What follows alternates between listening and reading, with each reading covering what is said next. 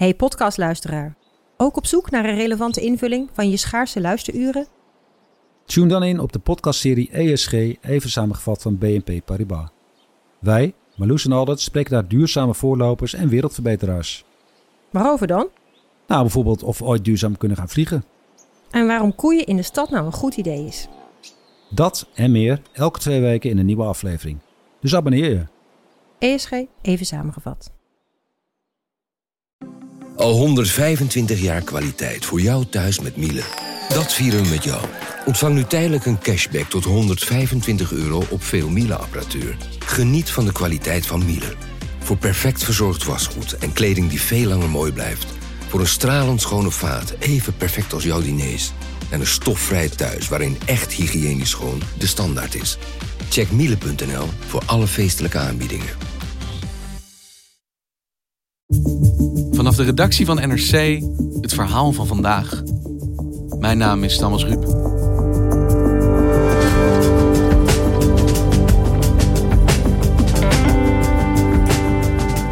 Corona is een mondiaal probleem.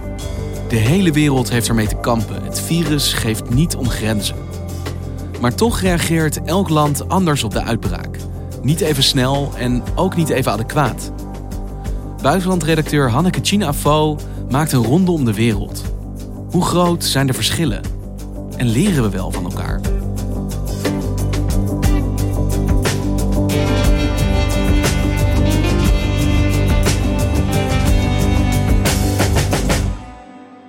Hanneke, we hebben de afgelopen weken het coronavirus over de wereld zien trekken.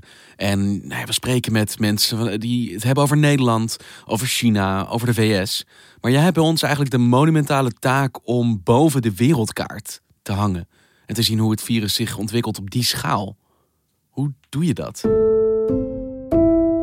Nou ja, ik word elke ochtend wakker met het besef: oh wacht, dit was geen droom, dit is echt. En dan ga ik proberen het nieuws van die nacht bij te lezen. Maar mijn grote houvast in dit alles is het overzicht dat de Johns Hopkins University verzamelt. Die hebben zo'n kaart met rode vlekken. En hij is niet perfect, maar hij is mijn houvast. En ik zie de aantallen bevestigde besmettingsgevallen zo snel stijgen. Dat, nou ja, dat ik hem steeds vaker moet refreshen, zeg maar. Zijn er plekken op de wereld waar dit nog helemaal niet speelt? Waar geen corona is? Nou ja, ik kijk altijd naar die kaart inderdaad, op zoek naar zulke soort plekken. En het wordt steeds moeilijker om ze te vinden. Maar midden in mijn beeld is altijd nog de westelijke Sahara, waar geen gevallen zijn. En dan helemaal op de Zuidpool is ook geen stipje. Maar die is natuurlijk officieel ook niet bewoond. En waarom is het belangrijk om ook op dit perspectief, op dit niveau te kijken naar deze crisis? Voor ons als journalisten is het gewoon heel handig om naar de landen voor je te kijken. Om, te, hè, om, daar, om aan de hand ervan te kijken wat een volgende regering die met het virus te maken krijgt, zou kunnen doen. Wat de opties zijn en waar die dan voor kiest. En je kunt op deze manier op basis van mega korte termijn geschiedschrijving misschien iets leren voor de landen waar het nog groter moet worden. En je hebt toegezegd om met ons hier uh, in 20 minuten lang eigenlijk een reis over de wereld te maken en te kijken naar de verschillen tussen landen. En als we dat willen doen, waar moeten we dan beginnen? Het begon allemaal op 31 december 2019 in de Chinese megastad Wuhan. Um, in werkelijkheid natuurlijk eerder daar, want de eerste gevallen waren al begin december bekend. En de buitenwereld kreeg pas in de loop van januari door dat er echt iets speelde in Wuhan. Het nieuwe virus dat vorige maand in China werd ontdekt, heeft een eerste dodelijk slachtoffer gemaakt. Een nieuw en mysterieus virus. De ziekte is verwant aan het SARS-virus. There is growing concern at this hour over a possible outbreak of a mystery virus. En op 23 januari ging Wuhan als eerste plaats in de wereld in lockdown. De Chinese overheid neemt verregaande maatregelen. In Wuhan, een stad met 11 miljoen inwoners, begon de uitbraak. Die sinds vandaag nagenoeg afgesloten is van de buitenwereld. om zo de verspreiding van dat virus tegen te gaan. En daar keken we toen met z'n allen naar, vol verbazing. Is dit nou echt nodig? Maar in de tussentijd waren andere regio's in Oost-Azië op hun manier bezig het virus te bestrijden. En het ging er echt heel anders aan toe. En dan heb ik het over Taiwan, maar ook Singapore. En in iets mindere mate ook Hongkong, wat officieel natuurlijk uh, bij China hoort. En Taiwan is daarin het meest sprekende voorbeeld en ook het grootste contrast met China als het gaat om het vroegtijdig erkennen van wat er aan de hand is. Weeks ago, the island was expected to become the second worst hit region after China, but that didn't happen. So what did Taiwan do to change the narrative? Want iedereen daar had natuurlijk wel een actieve herinnering aan de SARS-uitbraak van 2003. Uh, uh, ze hebben daarvan geleerd. En wat ze hebben gedaan is al in de eerste week van januari heel erg uh, goed mensen gaan screenen. Heel erg goed die contactonderzoeken gaan doen. Mensen in quarantaine plaatsen. En ze hebben ook een stap genomen die wij ingewikkeld zouden vinden. Hè. Ze hebben gezondheidsregisters gekoppeld aan de registers van de immigratiedienst. Zodat je uh, de reisgegevens van mensen kunt koppelen aan medische gegevens. En zo hebben zij het aantal besmettingen op enkele honderden weten te houden. En staat het dodental op twee op dit moment. Terwijl ze wel uh, naast China liggen en heel veel interactie hebben met China. Want gaat het te ver om te zeggen dat zij de crisis daar eigenlijk al hebben weten te bedwingen op dit moment? Daar leek het heel erg op. Maar je ziet de laatste week dat zij last hebben van nieuwe besmettingen. Kijk, het grote probleem is met die hele goede opsporing van de eerste gevallen. Dat je het virus heel erg buiten de deur hebt weten te houden. Maar dat je die methode moet vasthouden tot het virus in de rest van de wereld ook weg is. Want terwijl deze landen dus adequaat, snel, succesvol reageerden, bereikte het virus natuurlijk toch Europa. En ik heb het gevoel, terugkijkend, dat ja, bijna een soort weerloos doelwit was op het moment dat het hier landde. Is dat ook zo? Ja, ik herinner me nog dat begin maart die stadjes in Noord-Italië op slot gingen. En dat ik toen dacht: huh? dit zijn Chinese maatregelen in het hart van Europa. Waarom uh, is dat nodig? He, dus ik dacht zelf ook, uh, overdrijven jullie niet. There are drastic steps being taken in Italy tonight. This evening, the entire country has essentially been put on lockdown after a dramatic spike in coronavirus cases there and in deaths in that country. Die dodentallen in Italië liepen natuurlijk gewoon best schrikbarend op. En um, dat heeft zich alleen maar versneld. En volgens officiële cijfers heeft Italië nu meer dan drie keer zoveel doden als China. En Spanje meer dan twee keer zoveel doden. Ja, want je zegt, we keken naar Italië en we dachten dat zijn Chinese maatregelen. We keken eerder naar Azië en we zagen dat daar wat gebeurde. Maar in Nederland ook stond het op dat moment redelijk stil nog, toch? Goedenavond. Het coronavirus is nu ook in Nederland. Tot nu toe zijn er twee mensen besmet geraakt met het virus. Maar alle deskundigen gaan ervan uit dat dit aantal zal groeien. En inmiddels uh, staan wij in die Johns Hopkins lijst op de 1, 2, 3, 4, 5, 6, 7, 8, 9, tiende plaats van landen met de meeste besmettingen. Voor zo'n klein landje is dat natuurlijk eigenlijk een hele hoge plaats. Hoe zou jij verklaren dat we in Europa toch zo achter de feiten leken aan te lopen? Terwijl wij toch ook in de pers al en ook vanuit regeringsperspectief wel al zagen wat zich in Azië aan het voltrekken was. Ik denk dat we een soort massale eh, cognitieve dissonantie hebben gehad. Ik bedoel, onze correspondent in China en ik schreven onze vingers blauw over wat er in China aan de hand was. En wij als burgers dachten toch, dit is een ver van ons bedshow. Is het nou gevaarlijk of is het nou niet gevaarlijk? Want ja, wij weten het eigenlijk niet, want niemand weet het, denk ik, hoe dit nou precies zit. Denk ik. Want de ene zegt is, aan de gewone griep kan je ook doodgaan, maar ja. Je ziet uh, als een bevolking een actieve herinnering heeft aan rampspoed, dan reageren ze snel. Op nieuwe rampen. Landen in Azië met die actieve herinneringen aan SARS, aan hoe erg het kan zijn, hoe ziek mensen kunnen worden, hoe verlammend het kan werken, die is heel belangrijk om in actie te komen. En dat zie je bij ons, dat wij die niet hadden en dat wij het heel lang gewoon niet serieus bleven nemen. We zijn niet gewend aan vrijheidsinperkende maatregelen. We kunnen het ons allemaal gewoon nauwelijks voorstellen. Dus je ziet dat het gebeurt als je de krant leest en het journaal kijkt. En het blijkt gewoon ontzettend moeilijk om het op jezelf te betrekken. En dat komt dan dus omdat wij als samenleving eigenlijk niks hebben wat ook maar in de verste verte lijkt op deze ervaring. We hebben niet de muscle memory die ze misschien in Azië hebben van als dit gebeurt, dan doe je dit. Ja, dat is uh, hoe ik het probeer te begrijpen allemaal. En je hebt landen die op basis van eerdere ervaringen juist te laconiek zijn. Dat zie je nu bijvoorbeeld gebeuren in Mexico. Die hebben tien jaar geleden te maken gekregen met de Mexicaanse griep. Die bleek toen veel minder dodelijk dan gevreesd. En die mensen hebben die herinnering. En nu zie je dat Mexico helemaal niet op slot wil. En dat mensen proberen zoveel mogelijk te doen alsof dit hen niet gaat treffen. En van Azië naar Europa, naar de VS, waar het aanvankelijk leek achter te blijven. En dat is inmiddels denk ik ook wel ingehaald.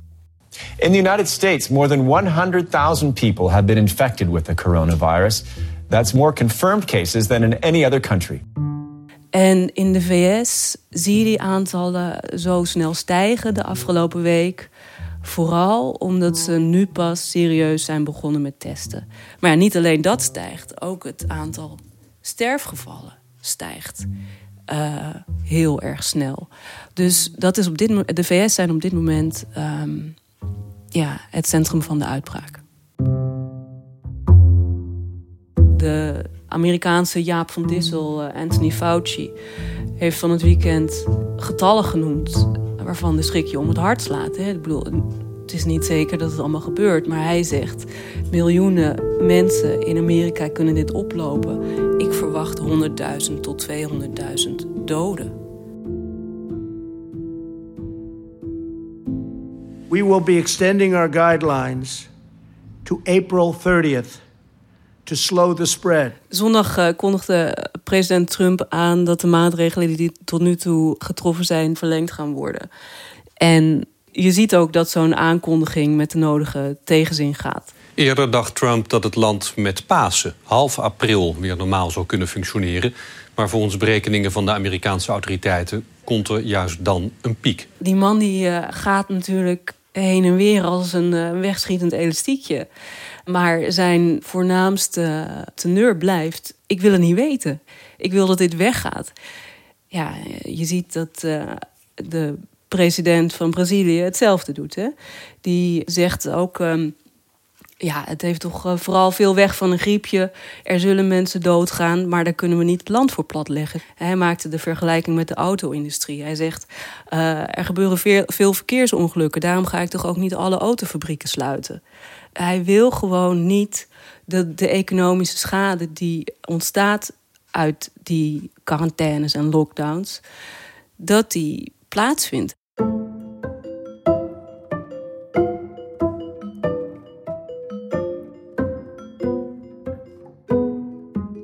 Als we terug naar de wereldkaart gaan, zijn er toch ook landen waar eigenlijk nog heel weinig besmettingen gemeld zijn, waar misschien de epidemie nu pas uh, begint.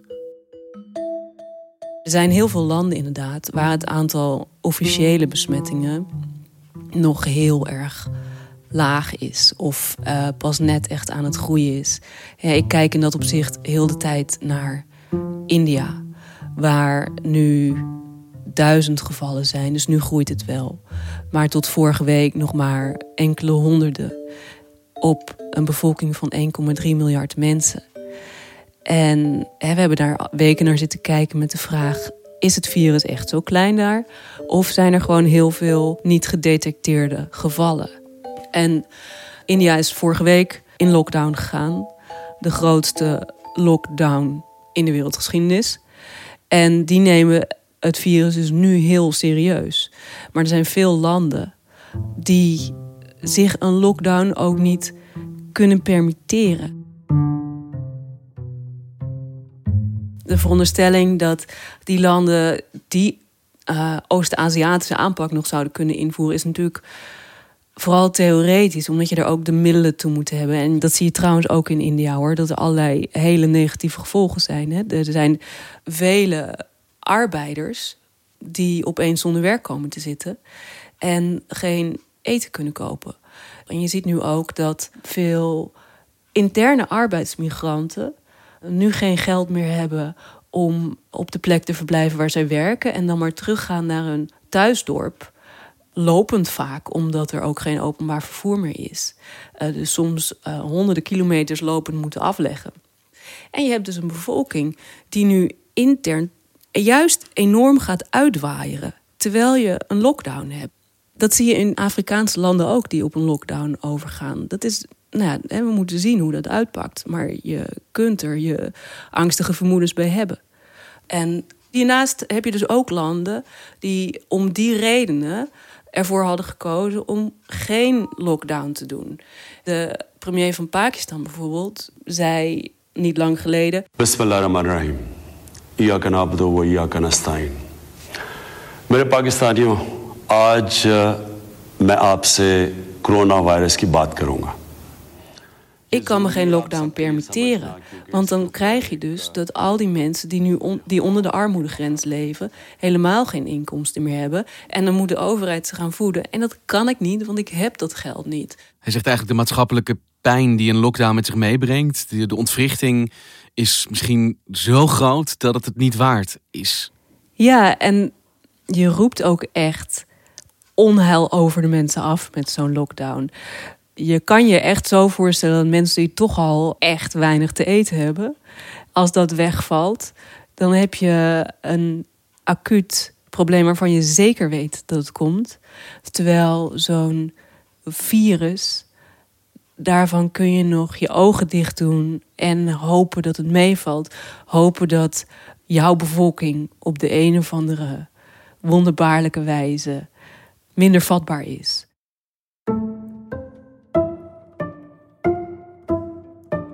Zijn er landen waar we eigenlijk niet van weten wat zij ondernemen of hoe de toestand is op dit moment? Nou ja, je maakt je zorgen over uh, oorlogsgebieden. Zo'n land als Jemen bijvoorbeeld. Of Syrië. Syrië heeft uh, de eerste doden gemeld dit weekend. Daar er zijn gewoon allerlei landen die ja, in zo'n acute nood zijn dat ze geen tijd hebben om om te kijken naar dit virus. Van die plekken waarvan je weet dat het uh, virus enorm kan toeslaan. En uit veel van die gebieden hoor je weinig of niks. Welke conclusie kan jij trekken als jij vanuit dit perspectief kijkt naar de manier waarop de wereld omgaat met deze epidemie, met wat er op dit moment gebeurt? In eerste instantie hadden landen allemaal zo hun eigen aanpak. En was die vooral too little too late. En nu zie je dat de ene na de andere overheid toch overgaat tot enige mate van lockdown. je hebt nu een krappe 3 miljard mensen in de wereld. Dus bijna 40% van de wereldbevolking is op dit moment onder enige vorm van lockdown. En 9 van de 10 scholieren gaat op dit moment niet naar school.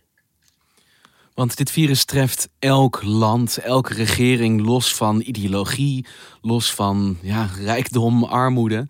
Brengt dit landen dichter bij elkaar of gaat dit juist tot divisies leiden? Je ziet juist dat internationale samenwerking er eventjes wat minder toe doet. Het is toch elk land voor zich. Heel veel landen besluiten zelf om hun grenzen dicht te doen. Je ziet toch dat de staat het niveau wordt waarop alles wordt beslist. Hè, gezondheidszorg is ook gewoon altijd een nationale aangelegenheid uh, gebleven. Ook als landen wel met elkaar samenwerken. Dus van samenwerking komt het even niet zoveel. Kijk, China probeert landen te helpen met donaties en met kennisoverdracht op dit moment. China is op de, over de hele wereld uh, mondkapjes aan het uitdelen. Zij springen in dat gat. Maar wij zijn als Europese Unie niet in staat gebleken om te zorgen dat wij onszelf daarin kunnen voorzien. En elk land is nu toch vooral in zijn eigen paniek aan het proberen mensenlevens te redden. En jij kijkt dus de hele dag naar die wereldkaart waar ja, de laatste witte vlakjes nu aan het verdwijnen zijn. Laat je het ook wel meteen weten op het moment dat er weer ergens waar dan ook een wit vlakje bij komt? ja, er is ook uh, een rubriekje met mensen die alweer uh, genezen zijn. Dat uh, moet ik er natuurlijk eigenlijk even bij zeggen. Van de 723.000 besmettingen die zijn geconstateerd, is van 152.000 mensen ook alweer verklaard dat ze hersteld zijn. En we hopen natuurlijk dat dat snel oploopt. Ja, dat zijn getallen die je liever hoort. Dankjewel, Hanneke. Succes. Ja, graag gedaan.